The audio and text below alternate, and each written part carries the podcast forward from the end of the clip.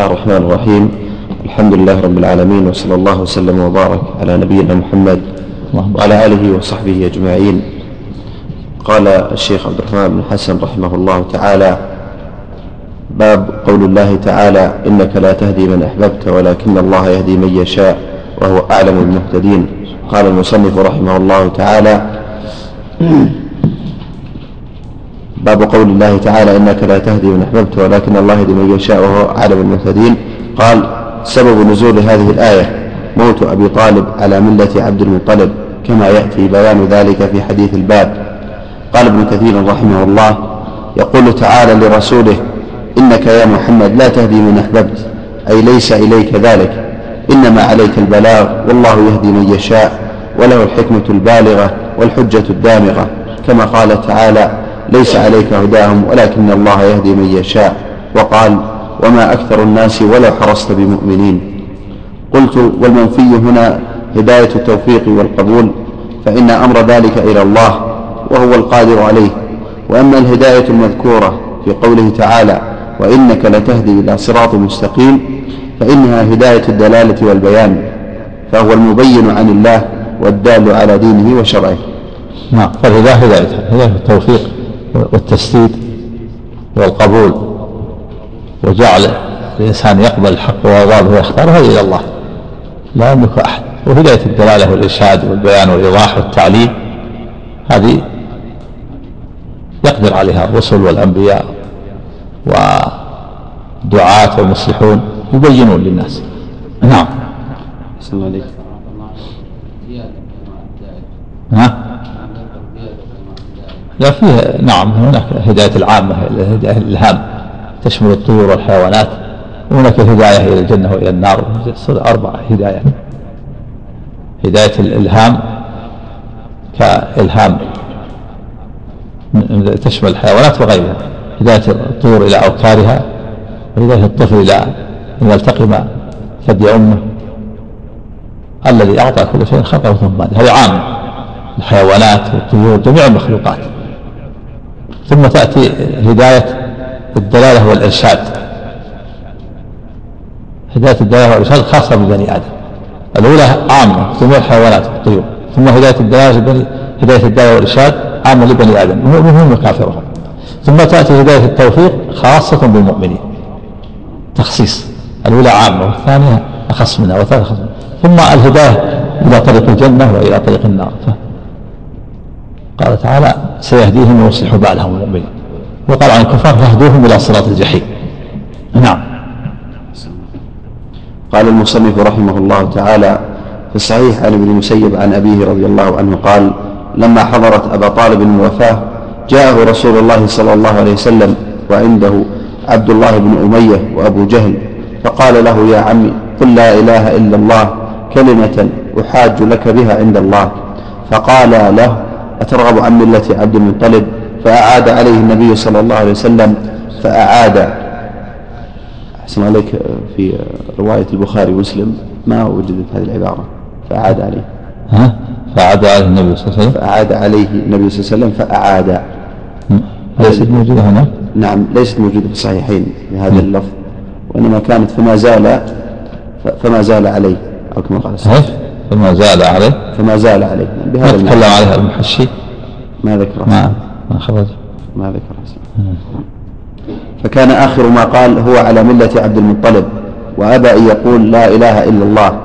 فقال النبي صلى الله عليه وسلم لأستغفرن لك ما لم أنه عنك.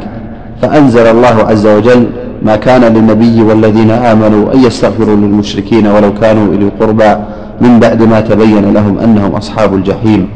وأنزل في أبي طالب إنك لا تهدي من أحببت ولكن الله يهدي من يشاء. قوله في الصحيح أي في الصحيحين وابن المسيب هو سعيد بن المسيب بن حزم بن أبي وهب. حزم. أحسن عليك. هو سعيد بن مسيب بن حزم بن أبي وهب بن عمرو بن عائد بن عمران بن مخزوم القرشي المخزومي. أحد العلماء والفقهاء الكبار السبعة من التابعين. اتفق أهل الحديث على أن مراسيله أصح المراسيل. وقال ابن المديني لا أعلم في التابعين أوسع علما منه مات بعد التسعين وقد ناهز الثمانين. نعم أصح المراسيل لأنها فتشت فوجدت مسندة يروي عن أبي هريرة عن سهل أبي هريرة نعم. وأبوه المسيب رضي الله عنه صحابي. أما المراسيل الأخرى مثل مراسيل الحسن ضعيفة مراسيل الحسن وغيره وقتادة كلها ضعيفة نعم. وأبوه المسيب رضي الله عنه صحابي بقي إلى خلافة عثمان رضي الله عنه وكذا جده حزن صحابي استشهد باليمامة. قوله لما حضرت أبا طالب وفاه أي علاماتها ومقدماتها. قوله جاءه رسول الله صلى الله عليه وسلم يحتمل أن يكون المسيب حضر مع الاثنين فإنهما من بني مخزوم وهو, وهو أيضا مخزومي. وكان الثلاثة إذ ذاك كفارا. يحتمل إيش؟ يحتمل أن يكون المسيب حضر مع الاثنين. نعم. فإنهما من بني مخزوم وهو أيضا مخزومي. وكان الثلاثة إذ ذاك كفارا. فقتل أبو جهل على كفره وأسلم الآخران. إيش؟ يحتمل إيش؟ يحتمل. يحتمل أن يكون المسيب حضر مع الاثنين. فإنهما من بني مخزوم وهو أيضا مخزومي. وكان الثلاثة إذ ذاك كفارا. فقتل أبو جهل على كفره وأسلم الآخران. الله ظاهر نعم ليس عنده إلا الاثنين. نعم. نعم. ونقل الحكاية ما في نقل القصة ما تكون. يعني كان نظر إلى إلى نقلها. إيه. نعم. الله. قوله يا عم منادى مضاف يجوز فيه إثبات الياء وحذفها. حذفت الياء هنا وبقيت الكسرة دليلا عليها. يا قوله يا عم. قوله يا عمي منادى مضاف يجوز فيه إثبات الياء وحذفها. حذفت الياء هنا وبقيت الكسرة دليلا عليها. يا عمي يا عمي بالياء أو يا عمي بالكسر نعم. قوله قل لا إله إلا الله أمره أن يقولها لعلم أبي طالب بما دلت عليه من نفي الشرك بالله وإخلاص العبادة له وحده. فإن من قالها بعلم ويقين يحتمل أيضا يا عمو على القطع. هذه يراجع ما ذكر في قول آخر. هو القاعدة في وجه آخر. نعم. راجع القاعدة النحوية نعم. إيه هو هو منادى لكن يا عمي أو يا عمو. يا عمي ها؟ نعم. يحتاج مراجعة مراجعة القاعدة نعم. العلم يكون على الرفع المنادى نعم. مثل يا فاطمة نعم. يأتي الكلام. قوله قل لا إله إلا الله أمره أن يقولها لعلم أبي طالب بما دلت عليه من نفي الشرك بالله وإخلاص العبادة له. فإن من قالها بعلم ويقين فقد برئ من الشرك والمشركين ودخل في الإسلام لأنهم يعلمون ما دلت عليه في ذلك الوقت. لأنهم يعلمون ما دلت عليه. وفي ذلك الوقت لم يكن بمكة إلا مسلم أو كافر فلا يقولها إلا من ترك الشرك وبرئ منه. ولما نعم. هاجر النبي قال علم يقين يعني, يعني مع الإخلاص والصدق. وهذا معلوم في ذلك الوقت أنه ما يقولها إلا عن علم ويقين وترك للشرك عن إخلاص وصدق. لأنه ما ليس عنده شيء يمنعه من ذلك. إذا أسلم وكفارهم الأقوياء. ما قاله عن علم وصدق وإخلاص. نعم.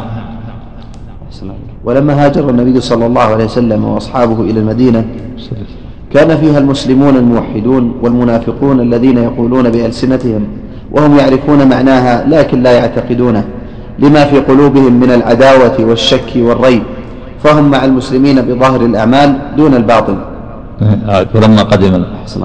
ولما هاجر النبي صلى الله عليه وسلم وأصحابه إلى المدينة كان فيها المسلمون الموحدون والمنافقون الذين يقولون بألسنتهم وهم يعرفون معناها لكن لا يعتقدونه قال في رواية يقولونها. نعم. وهم يعرفون معناها لكن لا يعتقدونه لما في قلوبهم من العداوة والشك والريب. فهم مع المسلمين بظاهر الأعمال دون الباطل. وفيه اليهود وقد أقرهم رسول الله صلى الله عليه وسلم لما هاجر ووادعهم بألا يخونوه ولا يظاهروا عليه عدوا كما هو مذكور في كتب الحديث والسير قوله كلمة قال القرطبي بالنصب على أنه بدل من لا إله إلا الله ويجوز الرفع على أنه خبر مبتدأ محذوف. هي هي كلمة. هي هي كلمة. تقديره هي كلمة. نعم. قوله أحاج لك بها عند الله هو بتشديد الجيم من المحاجة. وفيه دلاء وفيه في لفظ أشهد لك بها عند الله. حاج لك بها عند الله في اللفظ الآخر. أشهد ما صار إلى الرواية الأخرى. أشهد لك. مرنا في لو الرجال في الجمع بين الصحيحين بلفظ أشهد كلمة أشهد لك بها عند الله. الحديث هذا. نعم. وفيه دليل على أن الأعمال بالخواتيم لأنه لو قالها في تلك الحال معتقدا ما دلت عليه مطابقة من النفي والإثبات لنفعته. نعم. يدل على أن الأعمال بالخواتيم يدل على أبا طالب مات على الشرك الرد على من قال إنه أسلم. نعم. قوله فقال له أترغب دليل على أن الرسول لا يملك هداية القلوب عليه الصلاة والسلام وهو أشرف الخلق. نعم.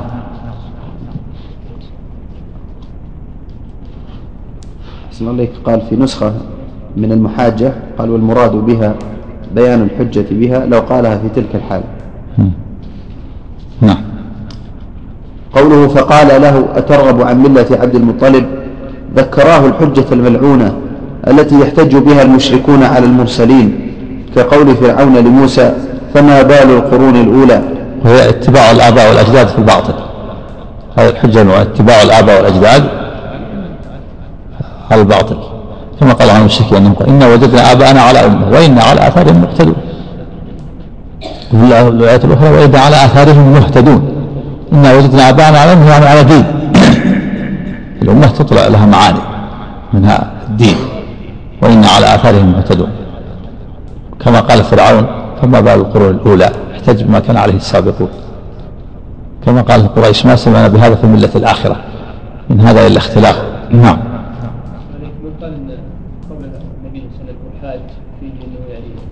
يتيقن انه تقبل منها من ابي طالب لو قال لا لا ما أفسرها اللفظ الآخر أشهد لك بها عند الله.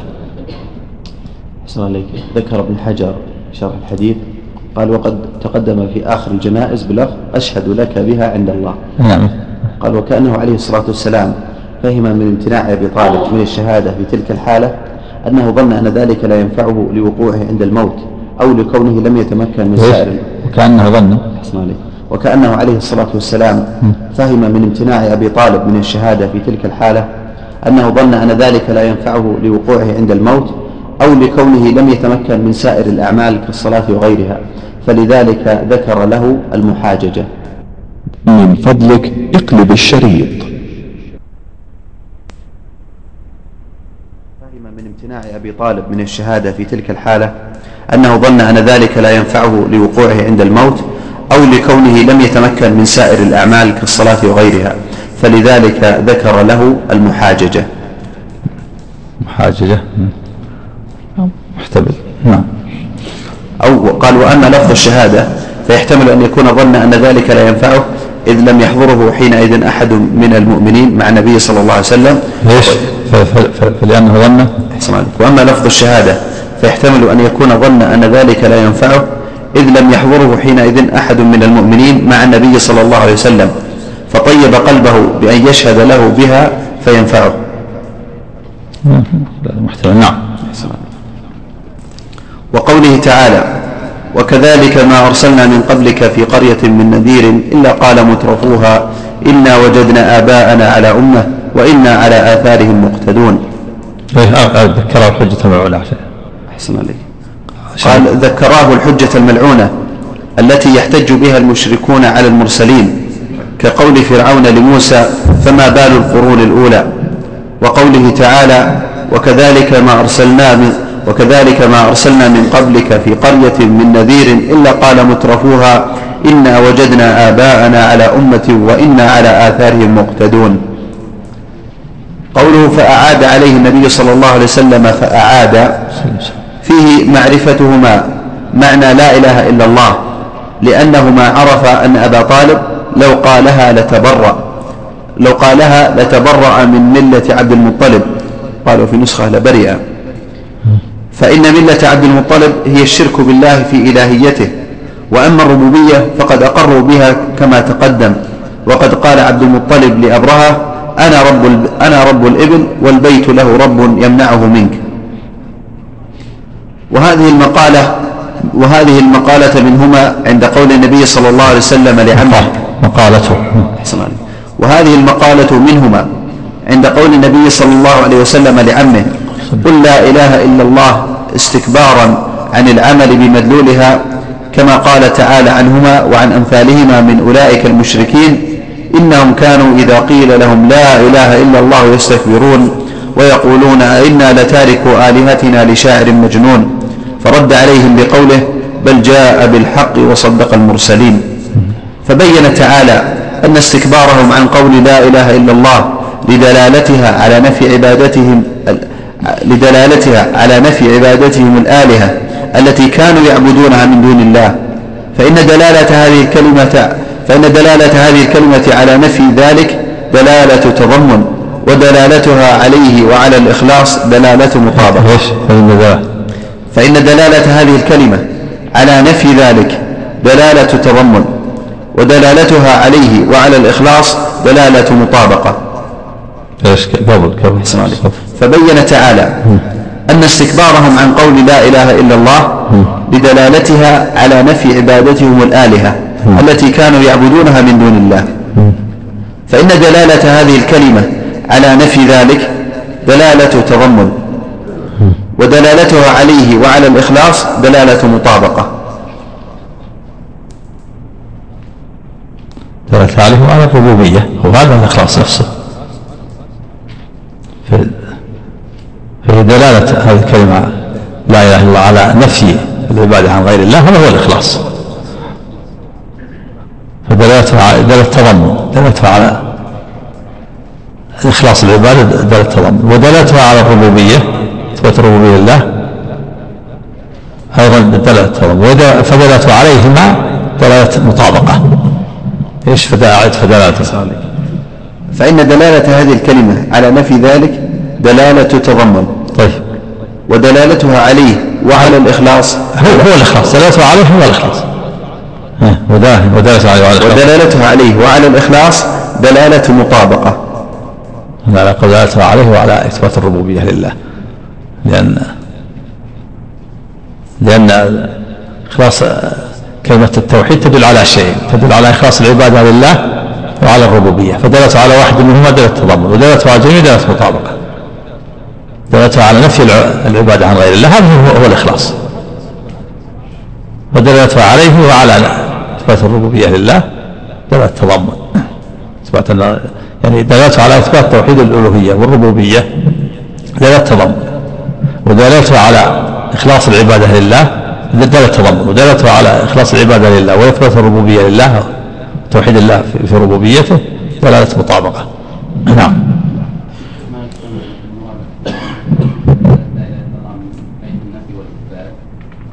لا لا. هي هذا واحد. إثبات العبادة لله هذا واحد. هو التوحيد هو الإخلاص. هو واحد. لابد من أمرين. نعم.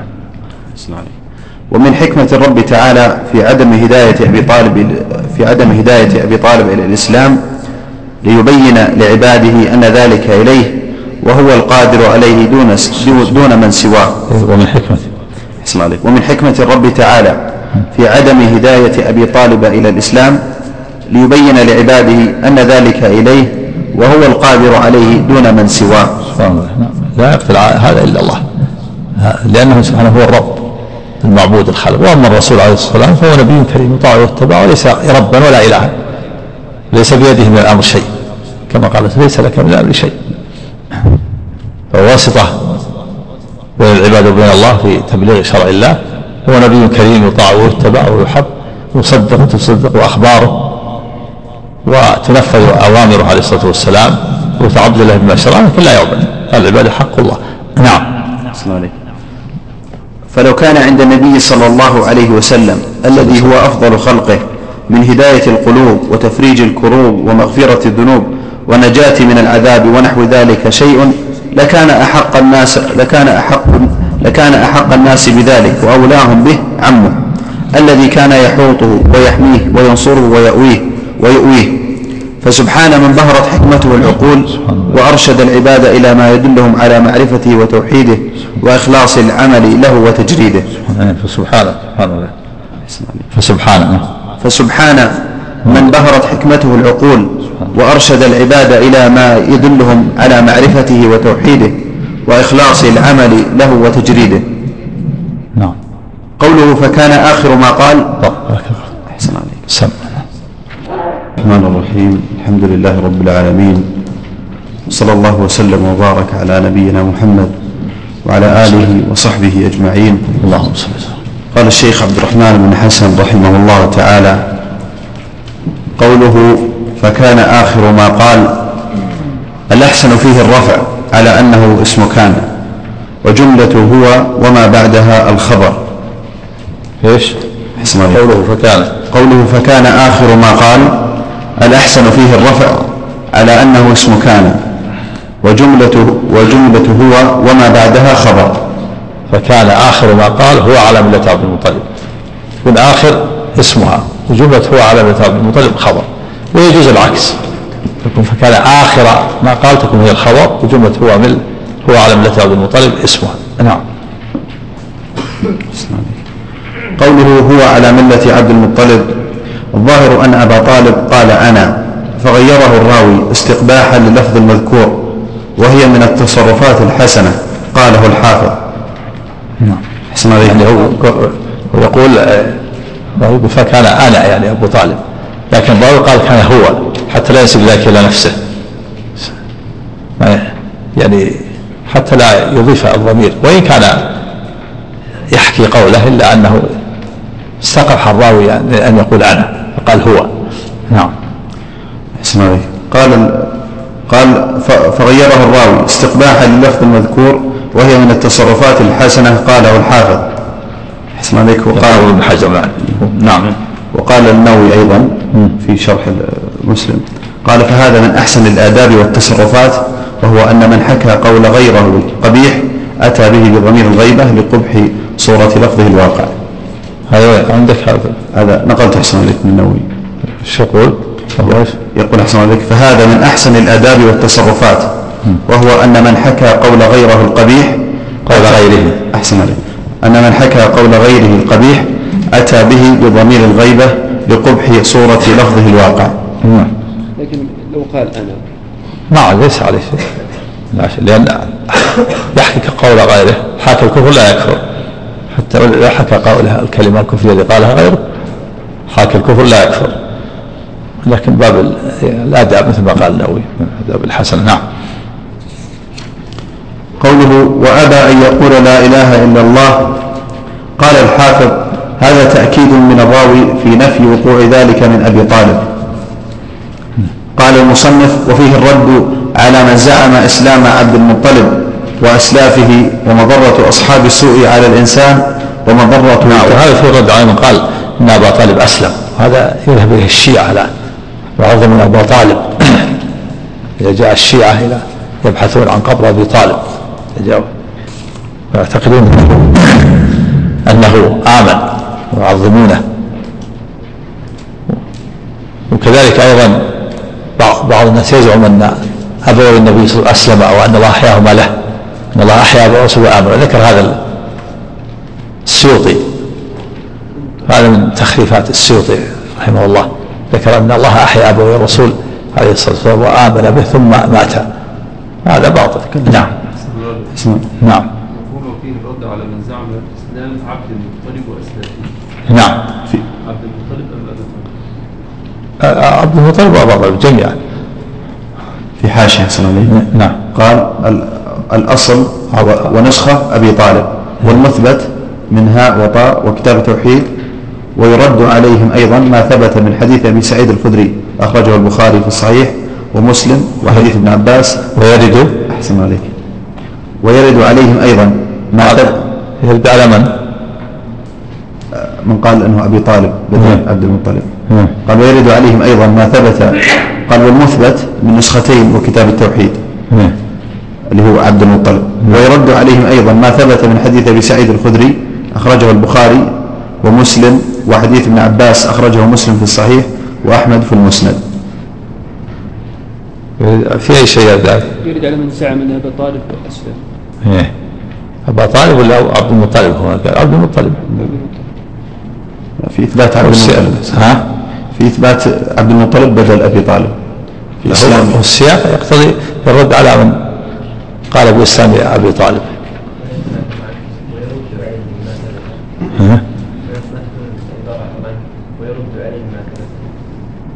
محتمل العبارة فيها ما فيها إيضاح فيها فيها إيهام لكن السياق يقتضي أن يقال في الرد على من قال بإسلام أبي طالب.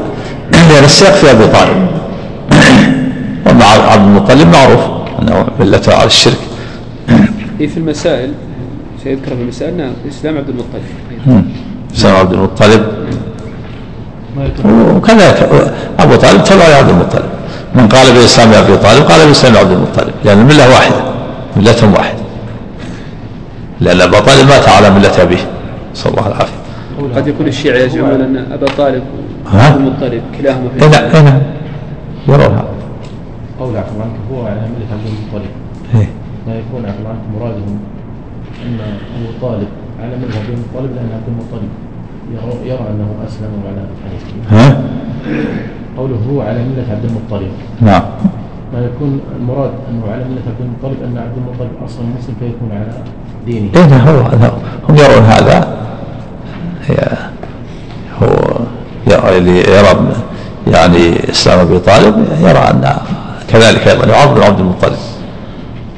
متلازمان نعم من قال ابي طالب قال باسلام عبد المطلب. يعني المله واحدة. نعم. أحسن عليك نقل ابن كثير آه، قال بعد أن نقل حديثا غريبا قال وأغرب منه وأشد نكارة ما رواه الخطيب البغدادي في كتاب السابق واللاحق بسند مجهول عن عائشة في في حديث في قصة أن الله أحيا أمه أي أم النبي صلى الله عليه وسلم فآمنت ثم عادت. وكذلك ما رواه السهيلي في الروض بسند فيه جماعة مجهولون إن الله أحيا له أباه وأمه فآمن به. وقد قال الحافظ ابن دحية في هذا الاستدلال بما حاصله أن هذه حياة جديدة كما رجعت الشمس بعد غيبوبتها وصلى علي العصر. قال؟ مرحبا شو قال عليك. وقال الحافظ ابن دحية في هذا الاستدلال بما حاصله أنها أن هذه حياة جديدة كما رجعت الشمس بعد غيبوبتها وصلى علي العصر.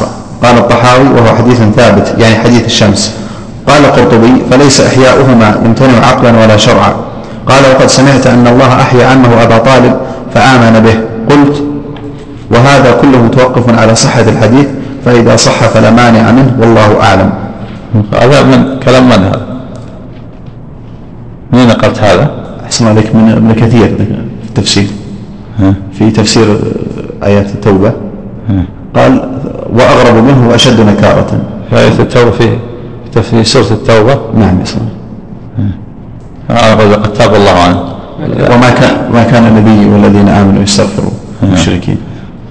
إيه، لا لا شك إن هذا أقول هذا السهيلي هذا مخرف وكذلك السيوطي كل هذا كل هذا باطل.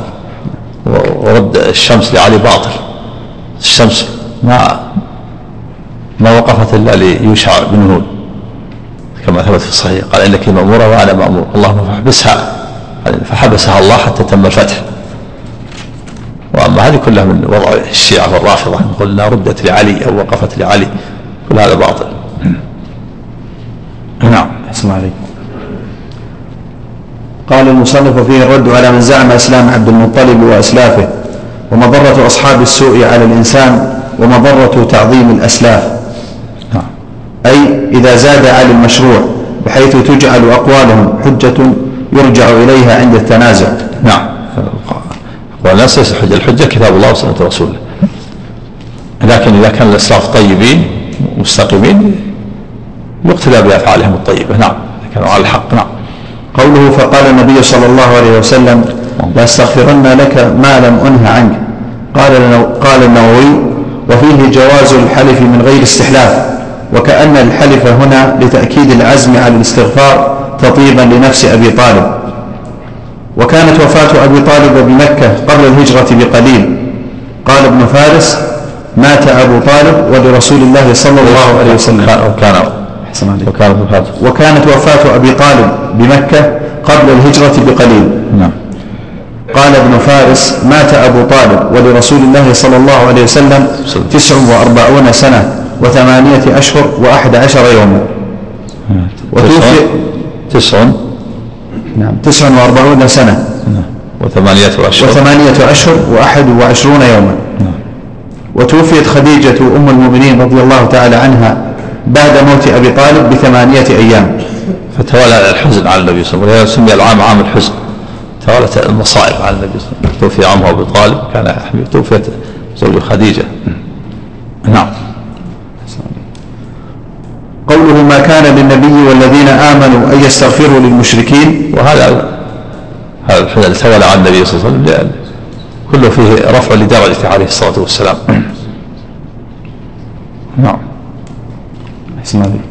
قوله ما كان للنبي والذين آمنوا أن يستغفروا للمشركين أي ما ينبغي لهم ذلك وهو خبر بمعنى النهي والظاهر أن هذه الآية نزلت في أبي طالب. فإن الإتيان بالفاء المفيدة للترتيب في قوله فأنزل الله بعد قوله لأستغفرن لك وما لأستغفرن لك ما لم أنه عنك يفيد ذلك. أحسن الله علق على هذه ال- الزرقاني في مناهل العرفان في علوم القرآن قال التعبير عن سبب النزول. تختلف عبارات القوم في التعبير عن سبب النزول فتارة يصرح فيها بلفظ السبب فيقال سبب نزول الآية كذا وتارة لا يصرح بلفظ السبب ولكن يؤتى بفاء داخلة على مادة نزول الآية عقب سرد الحادثة. وهذه العبارة مثل تلك في الدلالة على السببية أيضا. فنزل فنزل قوله تعالى أو سبب نزوله كذا. نعم. فأنزل الله بعد قوله لأستغفرن لك ما لم أنه عنك يفيد ذلك. وقد ذكر العلماء لنزول هذه الآية أسبابا أخر فلا منافاة لأن أسباب النزول قد تتعدد. نعم. قد يكون أسباب متعددة لنزول الآية. نعم. اسمع عليك. ذكر القرطبي في سورة في قوله تعالى إنك لا تهدي من أحببت. ثم بعد أحسن عليك. بعد أن ساق الأثر الحديث المسيب قال في الآية يعني آية ال- التوبة. قال في الآية على هذه ناسخة لاستغفار النبي صلى الله عليه وسلم لعمه فإن استغفر له بعد موته على ما روي في غير الصحيح. إيش؟ أحسن. هذه الآية ناسخة. فالآ- فالآية على هذا ناسخة لاستغفار النبي صلى الله عليه وسلم لعمه فإنه استغفر له بعد موته على ما روي في غير الصحيح.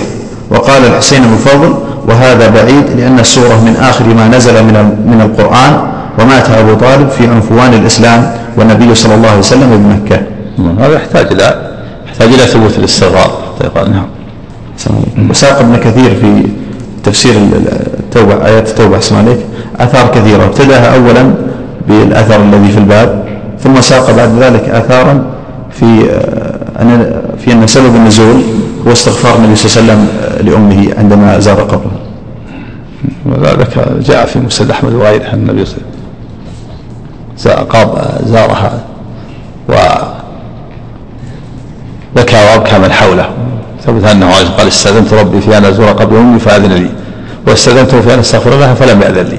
لأن ماتت على على دين قومه على على ما كان عليه الجاهلية. نعم. يحمل على تعدد ال- نعم السبب. لا مانع من تعدد الأسباب. إذا وجد. نعم.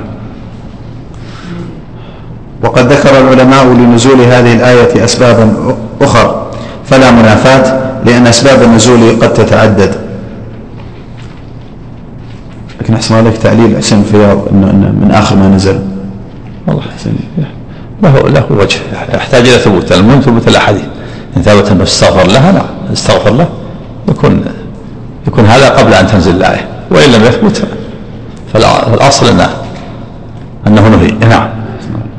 قال الحافظ أما نزول الآية الثانية فواضح في قصة أبي طالب وأما نزول التي الآية التي قبلها ففيه نظر. ويظهر أن المراد من الايه اللي قبلها.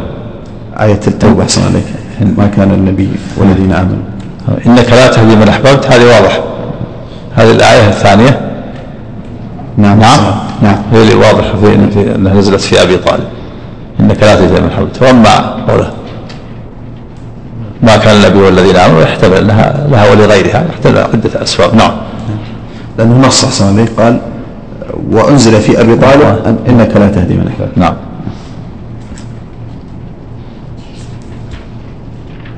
فأنزل الله ما كان النبي الذين آمنوا نعم. وأنزل في أبي طالب. نعم. نعم ويظهر أن المراد أن الآية المتعلقة بالاستغفار نزلت بعد أبي طالب بمدة وهي عامة في حقه وحق غيره. يوضح ذلك ما يأتي في التفسير.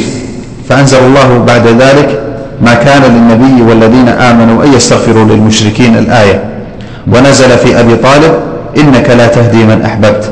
نعم. كله ظاهر في أنه مات على غير الإسلام. ويضعف ما ذكره السهيلي أنه رأى في بعض كتب المسعودي أنه أسلم.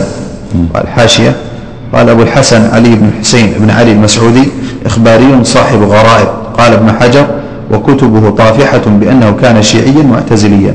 توفي سنة 345 هو ولا يمكن أن يعارض يعارض بأخبار المسعودي ما في الصحيح هذا لا يمكن. إيش يقول المسعودي يعد العبارة. أحسن عليك. قال أبو الحسن علي بن الحسين. لا الكلام نعم. كله ظاهر في أنه مات على غير الإسلام ويضعف ما ذكره السهيلي أنه رأى في بعض سهيلي؟ نعم. نعم. أنه رأى في بعض كتب المسعودي أنه أسلم.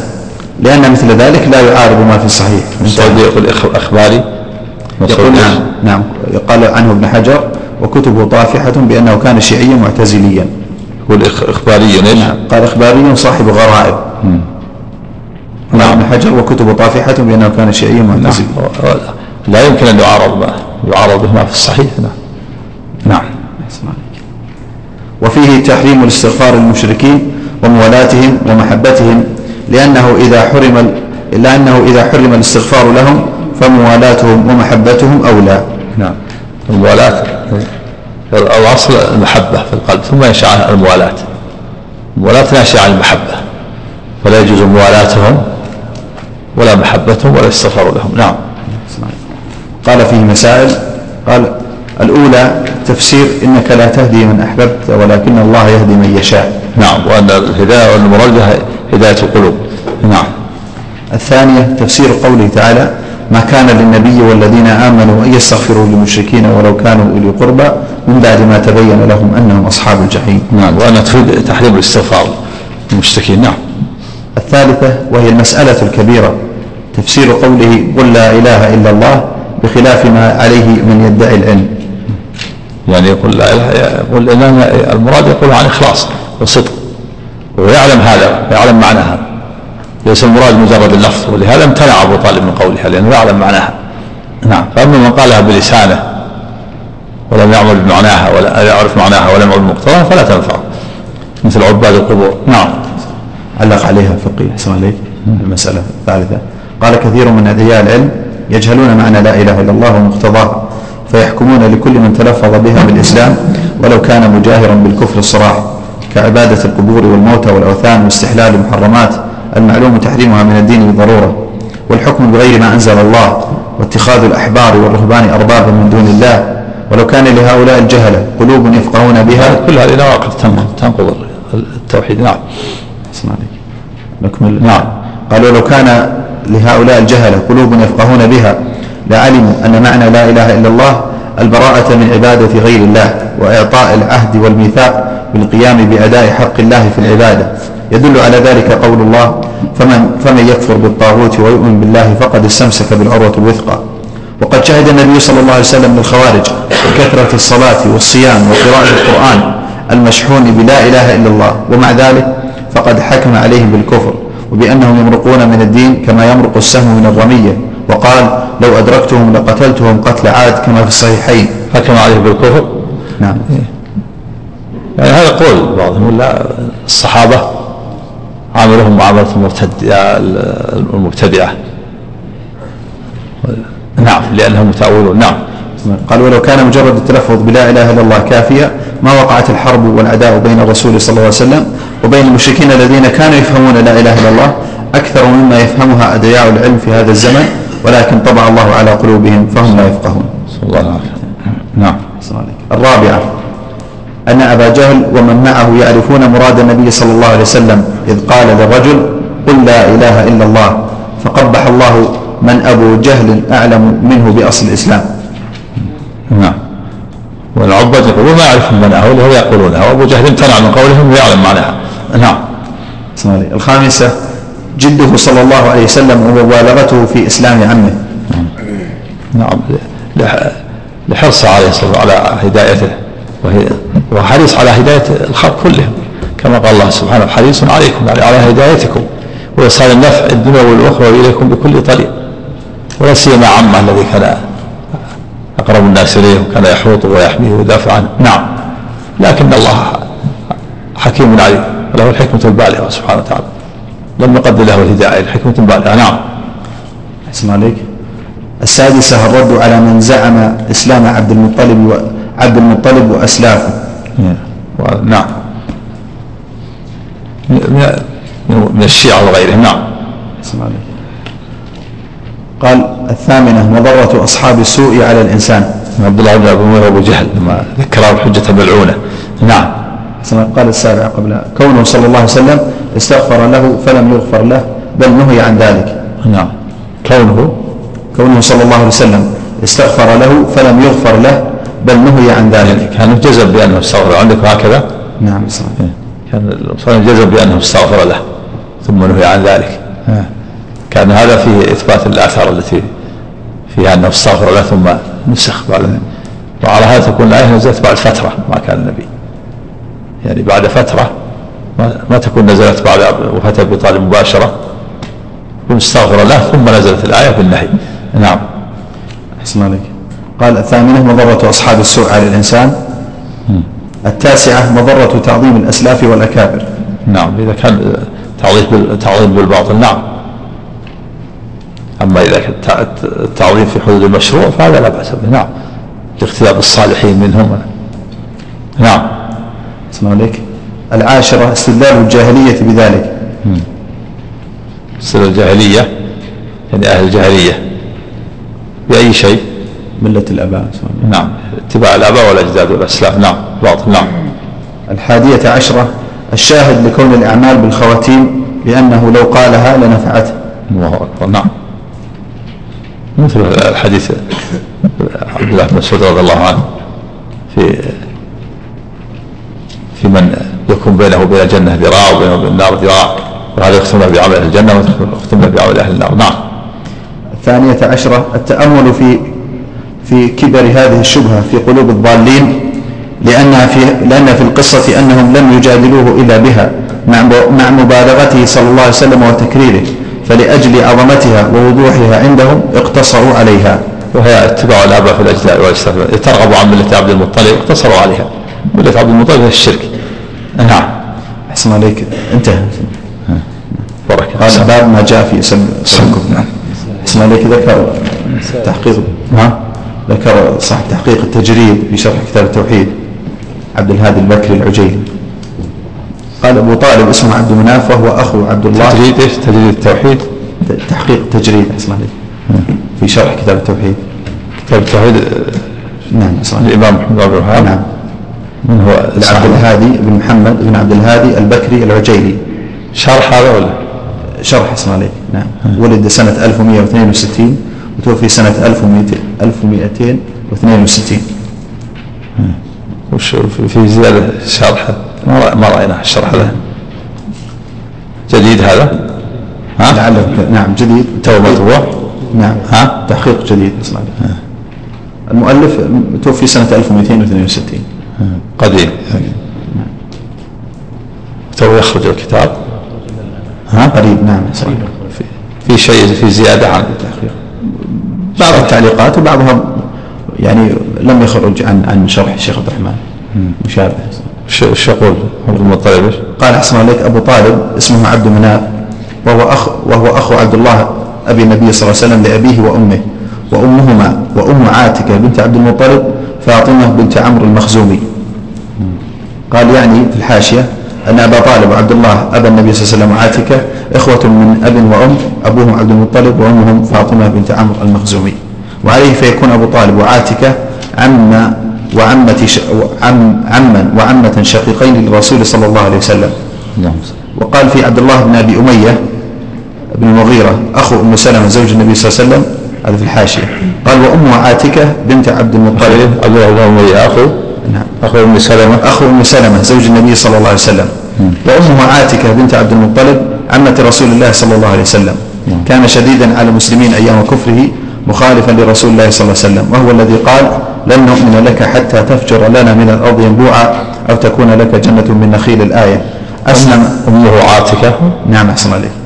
على هذا يكون أبو طالب خاله. خاله الشقيق أم أم عاتكة عمة النبي صلى الله عليه وسلم؟ نعم أحسن عليك. عاتكة بنت عبد المطلب. وكان شديدا. قال أحسن كان شديدا على المسلمين أيام كفره مخالفا لرسول الله صلى الله عليه وسلم وهو الذي قال لن نؤمن لك حتى تفجر لنا من الأرض ينبوعا أو تكون لك جنة من نخيل. الآية أسلم أيام فتح مكة واستشهد في الطائف. رضي الله عنه هذا سؤال يسأل يقول ما حكم لعن أبو طالب؟ كما يلعن ابو جهل ما يلعن بخصوصه. ما ما يلعن لكن يلعن الكفار بالعموم. لعن معين لا يلعن يقول النبي صلى الله عليه وسلم لا تسبوا الأموات فإنهم افضل إلى ما قدموا. نعم. معين لا يلعن نعم. ها؟ ولو. نقول لا تسبوا الأموات فإنهم افضل إلى ما قدموا. إلا إذا أريد الت- التحذير الأحياء من بدعته أو من كفره لا بأس. هذا اللي في مصلحة الأحياء. لا تسبوا الأموات فإنهم افضل إلى ما قدموا. نعم.